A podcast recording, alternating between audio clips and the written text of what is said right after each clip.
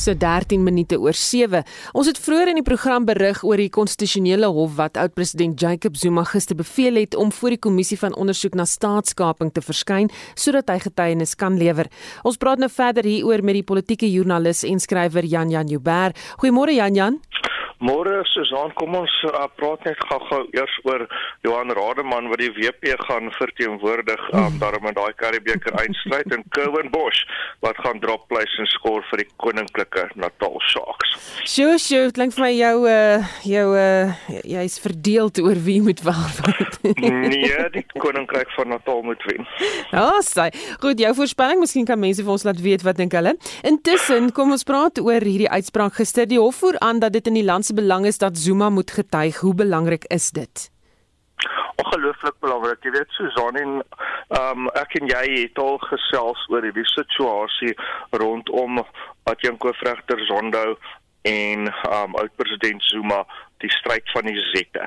Nou um wat hier aangaan is dat um president Zuma so weet ons is nie die spraaksaamste wanneer dit kom by uh, getuienis lewer oor alles wat hy aangevang het in sy tye van mag nie. En dit is deel van sy Stalingrad opsie dat hy telkens probeer om uit die hof uit te bly en uit verantwoording uit te bly en dieselfde geld hier vir die kommissie van ondersoek.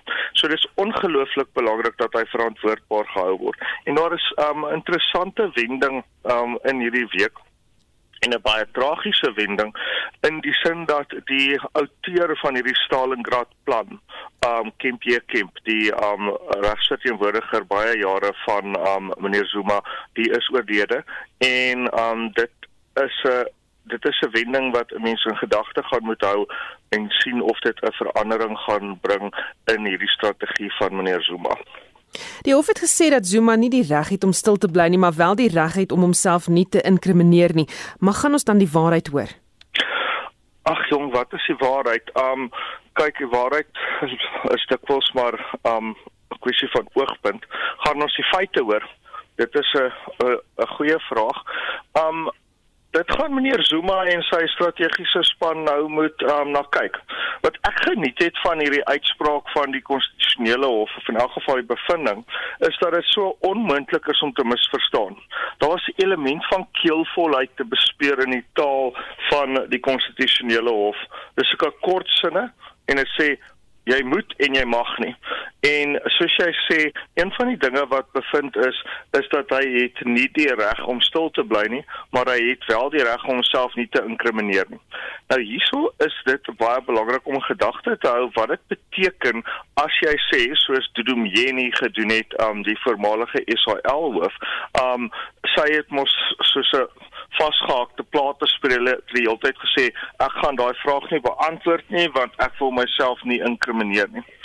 Wat jy dan vir regter Zondo sê is dat jy inderdaad wat jy jou mond oopmaak gaan bewys jy skuldig. Dis wat daardie stelling beteken. Ek weet nie of mevrou Jenny dit altyd besef het nie, maar dis eintlik 'n soort van skuldbekentenis sonder detail.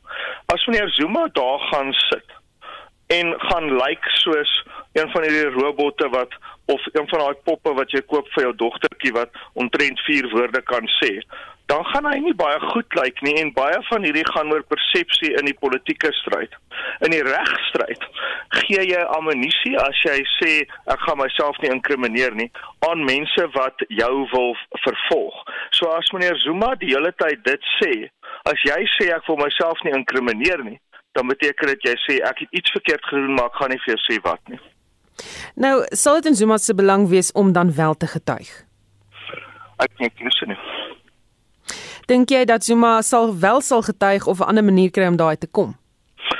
Jong, Zuma is soos 'n verkleermannetjie op 'n smartie boks. Um ek is telkens verstom met waarmee hulle vorendag kom, maar hulle opsies raak al hoe minder. Jy weet, hy's in al hoe meer hofsaake betrokke en die bevinding gister um is belangrik ook oor twee ander redes. Hy kan dit nie appeleer nie. Jy kan nie die konstitusionele hof appeleer nie.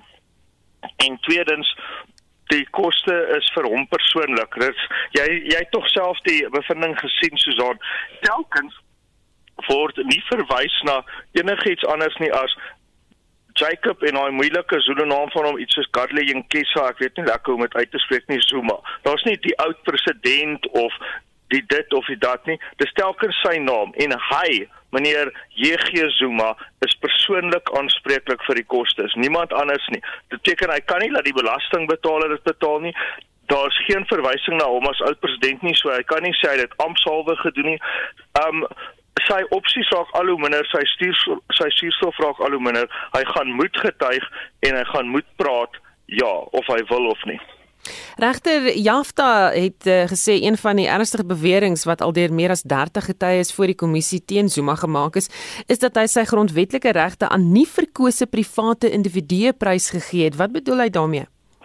Hy bedoel daarmee dat um byvoorbeeld kyk die president het omvattende regte binne die grondwet. Hy is onder meer die um hoofaanvoerder van die weermag ensovoort nou um, reg vir die afdaai het nie daarna verwys nie maar waarna hy verwys het is dat meneer Zuma geneig was om mense wat niks te doen gehad het met die proses om ons staat te bestuur nie um magte en voorregte ensovoort gegee het om dit wel te doen.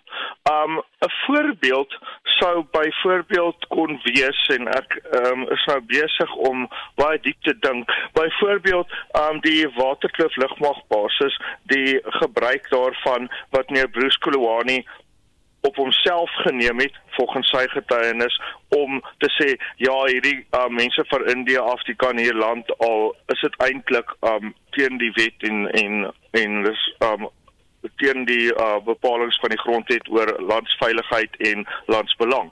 So um wat dit eintlik sê is dat meneer Zuma mense onregverdig bevoordeel het en in die proses die wet en die grondwet ondermyn het. Dink jy dat die afgelope week se onthullings by die staatskapingskommissie miskien 'n invloed op die uitspraak gehad het? Nee. Um dit werk nie so nie. As jy kyk hoe die grondwetlike hof werk, um hulle vat baie lank en daar's verskriklik baie mense betrokke by 'n bevinding van die grondwetlike hof. Um teen die tyd dat hierdie on, um hierdie huidige ge, um getuienis van die direkteur-generaal van staatsveiligheid en hierdie um agent mevrou K wat besig is om fascinerende getuienis te lewer waaroor ek skryf in rapport Sondag um gebeur het, was hierdie uitspraak klaar bepaal. Sê vir my, wat is jou gedagtes oor die onthullings by die staatskapingskommissie die week? Ah, Susan, nou, dis waar ek net vir jou lekker kan sê dat ek gaan met Jody Hendrik se kollega daaroor praat maandagooggend um 8 tot 9 en praat saam en dan gaan ons lekker gesels daaroor. Net een gedagtetjie, som dit op in een woord. Een gedagtetjie. Mm -hmm. Ja, een gedagtetjie sal wees wat die Afrikaanse spreekwoord altyd sê, al loop die leuen ook hoe snel die waarheid agterhaal hom wel. En dit was die politieke joernalis en skrywer Jan Jan Huber met sy mening. Dis nou 7:21 alhoewel dit baie reën die afgelope week en nog reën voorspel word en selfs oorstromings kan daar 'n waterskaarste in die land ontstaan. Dis die mening van Dr Gideon Groenewald, 'n geoloog van Gift of the Givers. Ons praat met hom oor die voorspelling. Goeiemôre Gideon. Goeiemôre Susan, gaan dit goed met julle? Met ons gaan dit goed, maar sê vir my, hoe is dit moontlik dat met al die reën mense krane kan droogloop? ja, Susan, ek dink wat mense dadelik moet besef dit reën nie gras nie, uh dit reën nie skape wat lam nie, dit reën nie uh koringlande wat uh, wat in oes staan nie. Ehm um, so dit reën ook nie nuwe pyplyne en nuwe pompstasies en opgraderings van van waterstelsels nie. Dit reën ook nie uh jy weet uh uh uitskotplase van van afvalwater nie. So dit is vir ons belangrik om om te besef dat binne die uh, raamwerk van die Suid-Afrikaanse uh, situasie sit ons met uh, hierdie um, geweldige ramptoestand wat veroorsaak word eers dan deur die droogte van 2015 tot 2019 en dan natuurlik nou uh, die natuurwerk so wat opgang moet afkom so wat afgang moet opkom en na die droogte gaan ons vloede kry en ek weet nie of ons voorberei het uh, op die ongelooflike effek van vloede op die op die alreeds jy weet die alreeds um, ge, uh, onderdruk mislukte stelsels van Suid-Afrika in terme van watervoorsiening en natuurlik ook die verwydering van water want die groot ding is dat jy kan geweldig water in 'n in 'n gemeenskap inbring maar eh, maar dit help nie daai water staan in die strate nie. En en dit is wat vir my as as geoloog van Gifted ek gewers baie hinder is dat eh, jy weet hierdie baie baie natoestande met geweldige hoeveelhede water wat in die strate afbeweeg as die as die stormwaterstelsels nie behoorlik skoon gehou is nie as die ehm um, jy weet jou jou ehm um, afvalwaterstelsels nie in plek is nie dan gaan hierdie eerste paar weke van hierdie geweldige nattyd wat ons ingaan gaan natuurlik dan veroorsaak dat ons 'n uh, geweldige besoedeling kry van ons waterbronne en veral die die die oppervlakbronne van ons in damme en die riviere uh, wat nou vir die eerste keer in 20 jaar weer afkom. Hmm. en en dit kan uh, lei dat mense baie siek word ons kan kolera kry allerhande siektes kan nou skielik ontstaan weens die feit dat ons 'n oormaat water het wat jy nie kan drink Die toestand van waterinfrastruktuur in die breë in Suid-Afrika na jou mening hoe goed of sleg is dit Ek dink ons kyk na sekere uh, stelsels uh waar waar daar baie goed onderhoud uh, is in die land en dan kyk ons ongelukkig na stelsels waar die onderhoud weens 'n verlies aan ons uh, institusionele geheue uh, uh heeltemal verval het. So indien jy indien jy 25 jaar gelede oom Piet gehad het wat die waterfiskaal van die dorp was en die uh, afvalwaterbeheer ingenieur was en hy het nou na 25 jaar, hy was 40 jaar oud gewees in 1994 terug. Nou het hy verlede jaar in 2019 afgetree. Uh net se muur sy aftree ouderdom bereik en indien hy nie die kennis wat hy gehad het oordra aan die volgende geslag uh mense nie, dan sit ons met 'n ongelooflike probleem met institusionele geheue wat weg is. So niemand weet waar die pype loop nie, niemand weet waar die krane sit nie, niemand weet waar die sewage heen gaan nie. En dit is die groot probleem dink ek in Suid-Afrika is baie plekke het die kennis nie oorgedra geraak nie en die dokumente dokumentasie is in Afrikaans en niemand kan Afrikaans lees nie. So selfs as jy die dokumente probeer nagaan, kom jy agter dat baie mense die dokumente nie kan lees nie. So wat is die oplossing hier? Die die enigste oplossing is om terug te gaan na soos hulle sê in Engels na basics toe. Ehm um, jy weet wat ons as Gita the Givers doen, is ons gaan ek gaan letterlik in die in die ehm uh, uh, gebiede in. Ek kyk na die dokumentasie, ek probeer uitvind waar oom Piet uh, sekere goed gedoen het, hoekom hy sekere goed gedoen het. Ek gaan gaan leer weer uit dokumentasie uit, lees die Afrikaans en dan uh, werk ons stelselmatig terug na na die die herstel van situasies toe dit is nie baie moeite nie, maar ongelukkig uh, as jy nie jou eerste tree gee nie, dan gaan jy ook nie 1000 km kan loop nie. Baie dankie, dit was Dr. Gideon Groenewald, die geoloog van Gift of the Givers. Die regering se planne om sy swart ekonomiese bemagtigingsplan vanjaar verder te versterk en te implementeer loop hand aan hand met regstellende aksie. En selfs dit het ver agterweë gebly die afgelope paar jaar. Dis die mening van Marlies Konradie, dosent by die Regsfakulteit van die Universiteit van die Vrystaat verbonde aan die Sentrum vir Arbeidsreg. Dit volg in reaksie op die president se aankondiging vroeër oor die kwessie.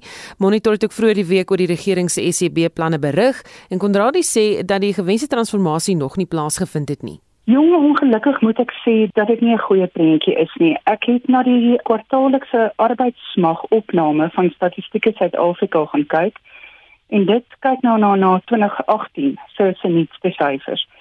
Dan sien ons dat manlike Afrikaners sover 43% verteenwoordigend, vroulike Afrikaners 36%, manlike bruin persone 5%, vroulike bruin persone 10% manlike indier 2%, vroulike indier 1% en dan manlike wit 5% en vroulike wit 9%. Nou wat beteken al hierdie syfers?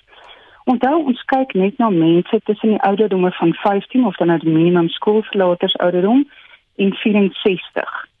Dis mense wat of in diens is of wat in diens geneem kan word, met ander woorde wie diensbaar is.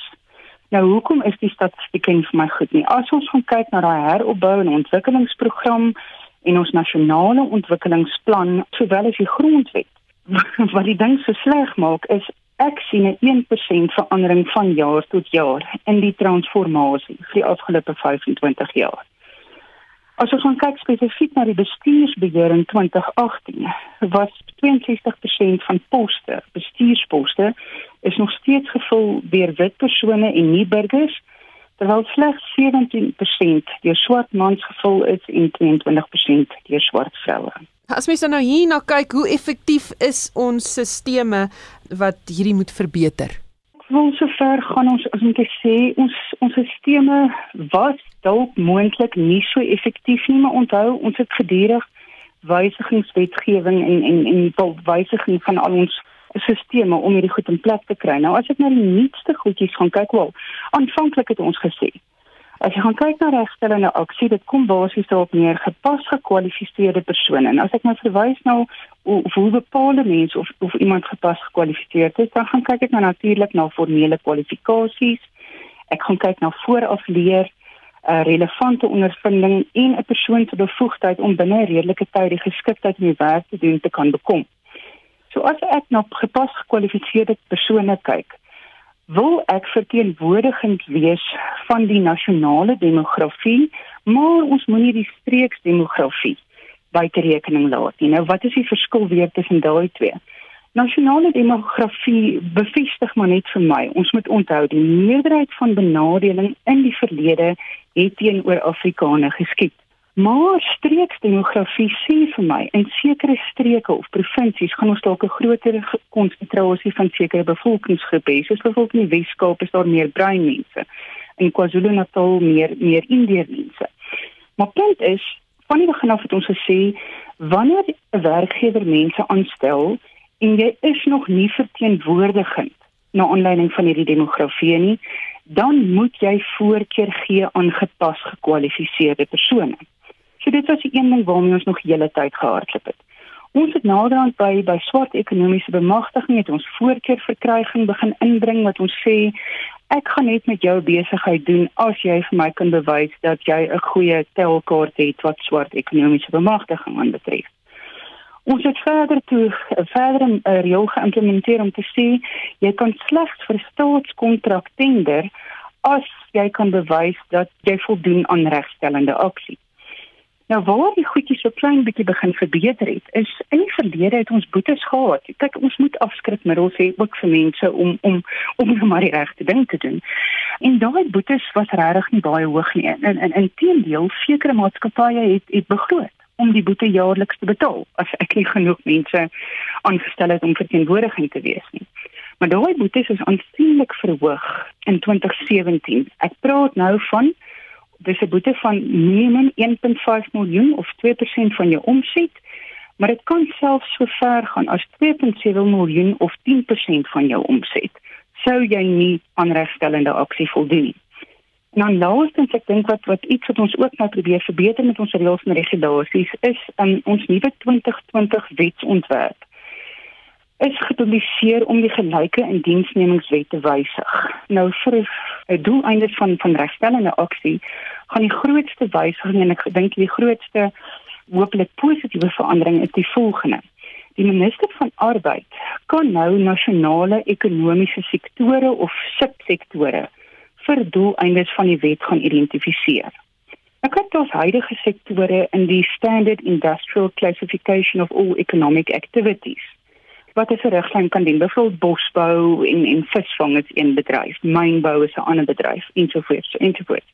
Maar nou kan die minister gaan en hy kan ander faktore ook in ag neem om te sê hierdie is vir die doeleindes van hierdie wet om seker te maak almal is gelyk verteenwoordigend. Is hierdie ons nuwe ekonomiese sektore vir hierdie wet of ons sit sektore? En wat die minister dan kan doen is om vir verskillende sektore verskillende syferdoelwitte te gaan stel en gaan sê julle het goed getransformeer dalk in hierdie sektor maar hierdie sektor kort nog baie transformasie. So hier is 'n hoër syfer doelwit wat ons vir hierdie besighede gaan stel En dit was Marlies Konradie, dosent by die Regsfakulteit van Universiteit van die Vrystaat verbonde aan die Sentrum vir Arbeidsreg. Heinrich, mense gesels lekker oor hierdie CD's en uh, baie mense hartseer oor daar nie meer CD's te koop gaan wees by Musica nie. Inderdaad eh uh, Susan, hier's ook 'n boodskap van iemand wat sê ek is so jammer om te hoor van Sibongile Khumalo se dood. Haar lied Plea for Africa is so hartroerend en dan vra die luisteraar ons dit nie kan speel ter nagedagtenis aan haar nie. Ek sal nou nie beloftes kan maak namens ons redakteur vanoggend Wessel Pretoria is nie, maar dan kry ons kans in Spectrum vanmiddag om dit te speel.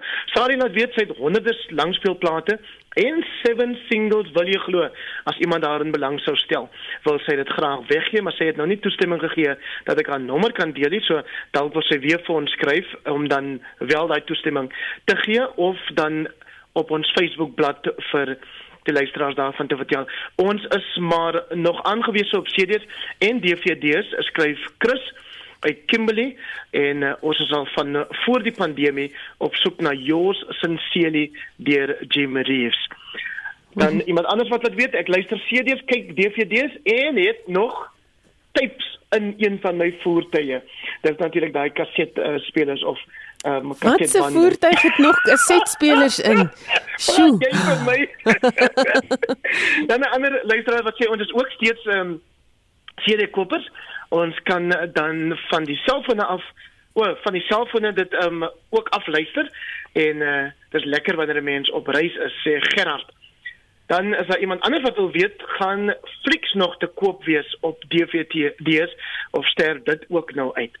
En dan uh, Susan Kato wat sê of van Kato wat sê dit luister nog baie CD en het 'n groot versameling wat al ook die 5 CD's van Derrick um, met sy breakfast met Derek Saterdagoggend bevand en het 'n CD-speler in my kamer en in my oop plan kombuis en ek luister graag baie Christelike en country musiek onder meer die van Elvis en Jim Reeves. En dan iemand anders wat vra hoe moet ek nou my keuse musiek bekom ek het so spesiaal uh, Susan dat ons dalk in die volgende klompie daar terwyl daai musieke takke nog oop is lekker ehm um, afslagpryse daar gaan kry dat jy omtrent voel jy koop van hierdie vetkoekies op die sypaadjies van Johannesburg.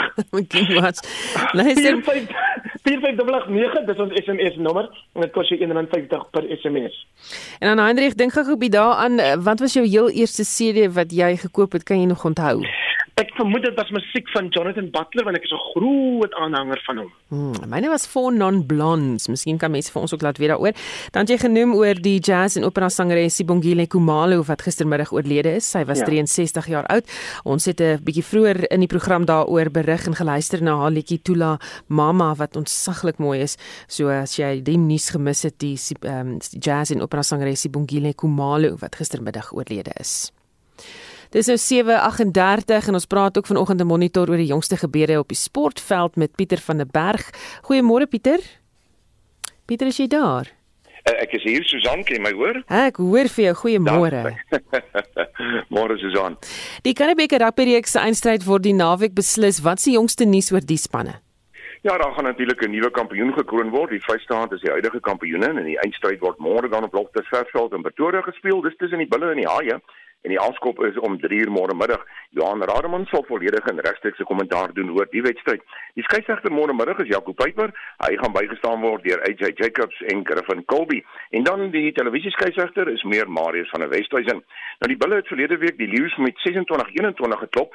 Nou span nuus dan daar uit eh, die Bulkamp is daar net een verandering is aan die beginspan. Dis Johan Grobler wat as haker sal begin met Skalk Erasmus wat van die bank af sal speel. En dan het die Haie verras deur 'n ander skinskakel te kies. Dieselfde wedstryd 23 tal is aangewys, maar uh, Jaden Hendricks, hy sal as um, skinskakel begin met Sanele Nohamba wat van die bank af sal speel. Hierdie WP het natuurlik verlede week pak gekry, die Haie die eindstryd gehaal deur hulle met 19-9 daar in Kaapstad te troef. En dan so 'n bietjie eindstryd geskiedenis net Susan, die Haie het 5 van hulle laaste 8 titels in wegwedstryde gewen, terwyl die Bulle 4 uit hulle laaste 5 titels op loftes gewen het. Op die cricketveld is Suid-Afrika se mans en vroue spanne die week in aksie. Die mans is natuurlik in Pakistan waar die eerste toets Dinsdag al begin het. Ja, dis die uh, Karachi, dis waar daardie aksie is. Nie goeie nuus vir Suid-Afrika nie. Dis reeds dag 4 van die eerste toets. Nou Suid-Afrika het 220 lopies in hulle eerste beurt aangeteken. Pakistan het geantwoord met 378 wat vir hulle 'n voorsprong van 158 lopies op die eerste beurt gegee het. Nou gister het Suid-Afrika baie stadig gegolf, maar het goed teruggeveg.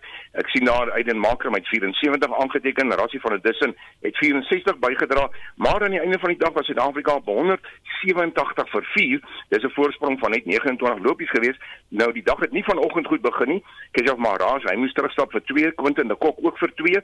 Op die oomblik eh, kolf vir Themba Bavuma en George Linden nog en uh, die jongste telling daar in Suid-Afrika se beurt is uh, net so oor die 200 lopies en dit gee hulle voorsprong van daar genoeg 50 lopies.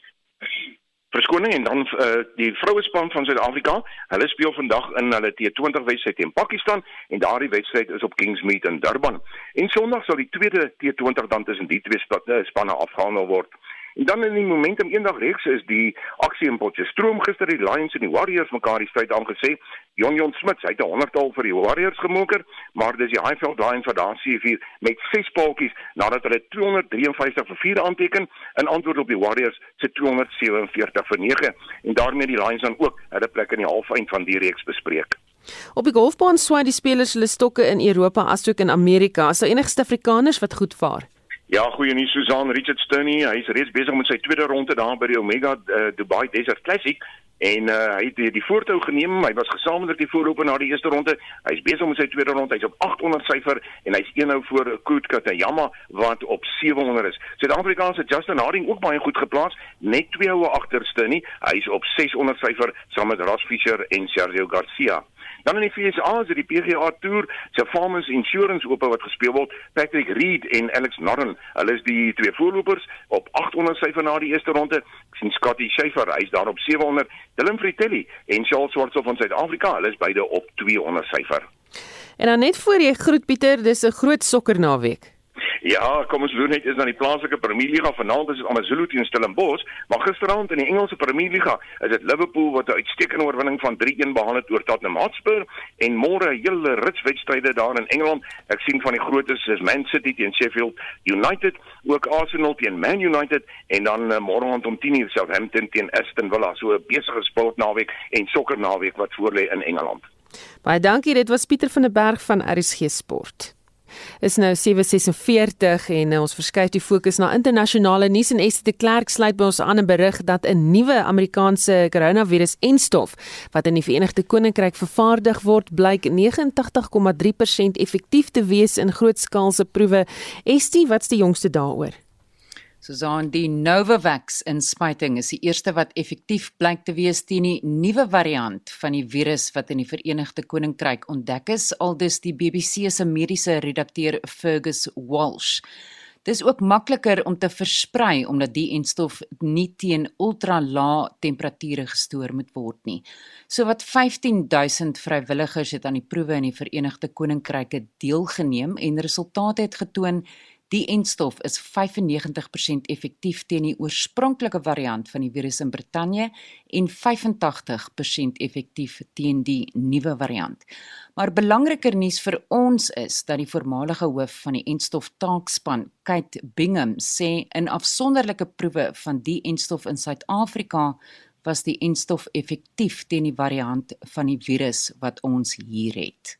It's a fantastic result because it shows that the Novavax vaccine is effective against both the UK variant as well as the South African variant and has shown phenomenal efficacy and it's made in Teesside. So not only have we trialed the vaccine to show that it's safe and effective, but we're also making it too. So we'll be able to save lives in the UK.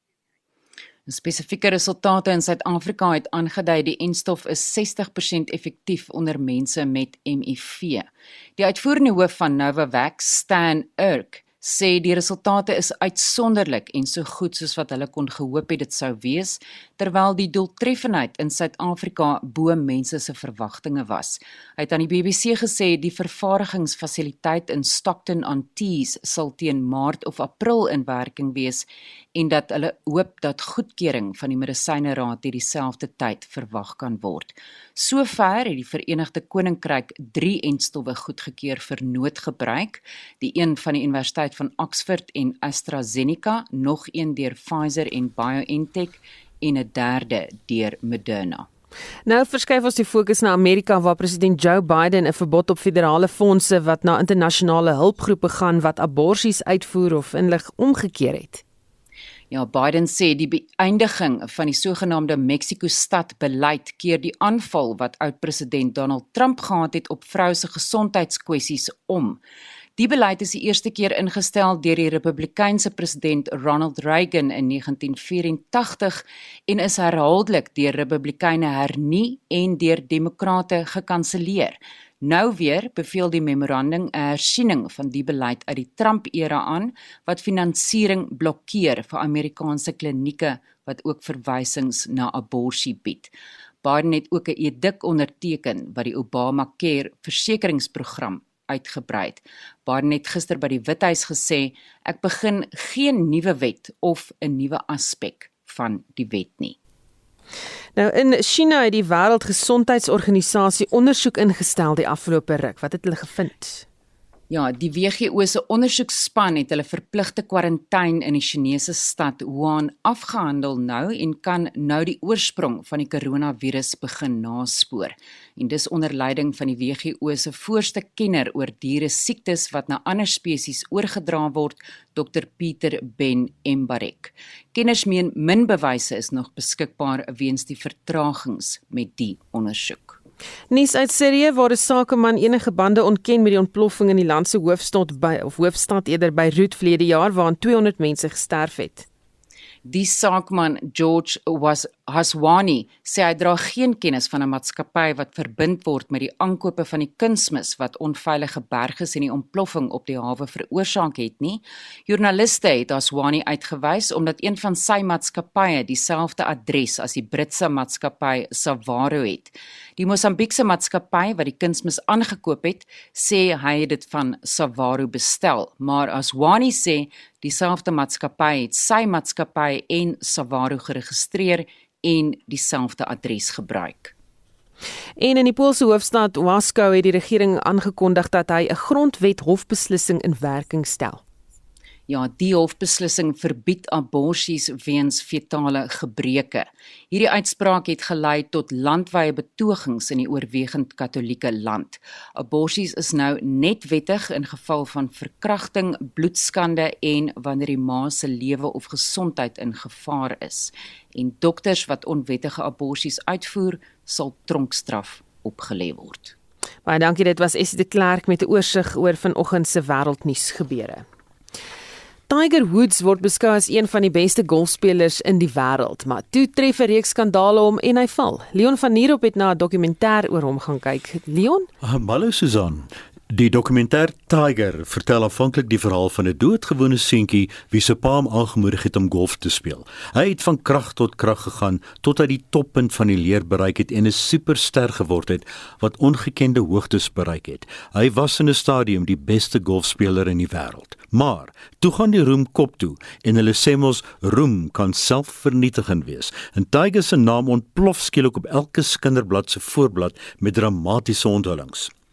Tiger wys hoe Woods vir enkele jare 'n ongekende laagtepunt en depressie bereik het, maar homself opgetel het om weer een van die beste golfspelers ter wêreld te word.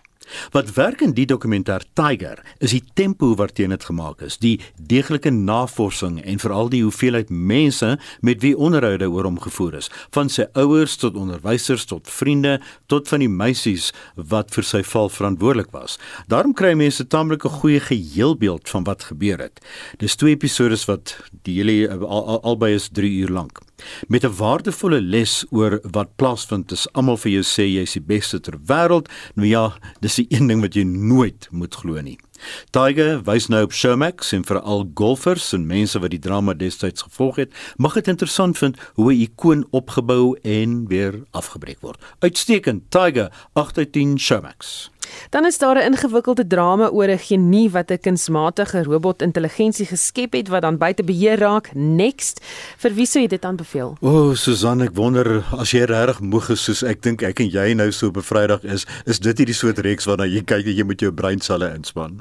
Next is nie kinderspeletjies of videospeletjies wat jy sommer voor die rusbank speel nie. Jonges wat rekenaars beter ken as die pad huis toe, mag hulle verkneukel aan die reeks. Veral as Siri, die meisiestem met wie jy praat as jy dinge gedoen wil hê, nou vervang word met die geslepe Elisa wat met jonges se koppe smokkel en hulle aanraai om moord te pleeg.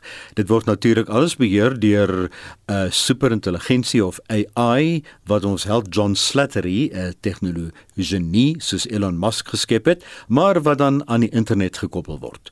Die probleem is as jy sommer net na reekse kyk wat niks van jou vereis nie.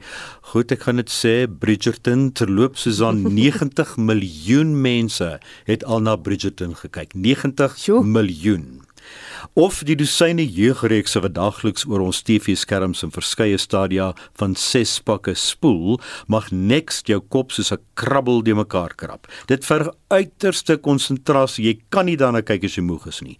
En na episode 1 het ek so bietjie dom gevoel, maar kon in 'n mate daarom byhou.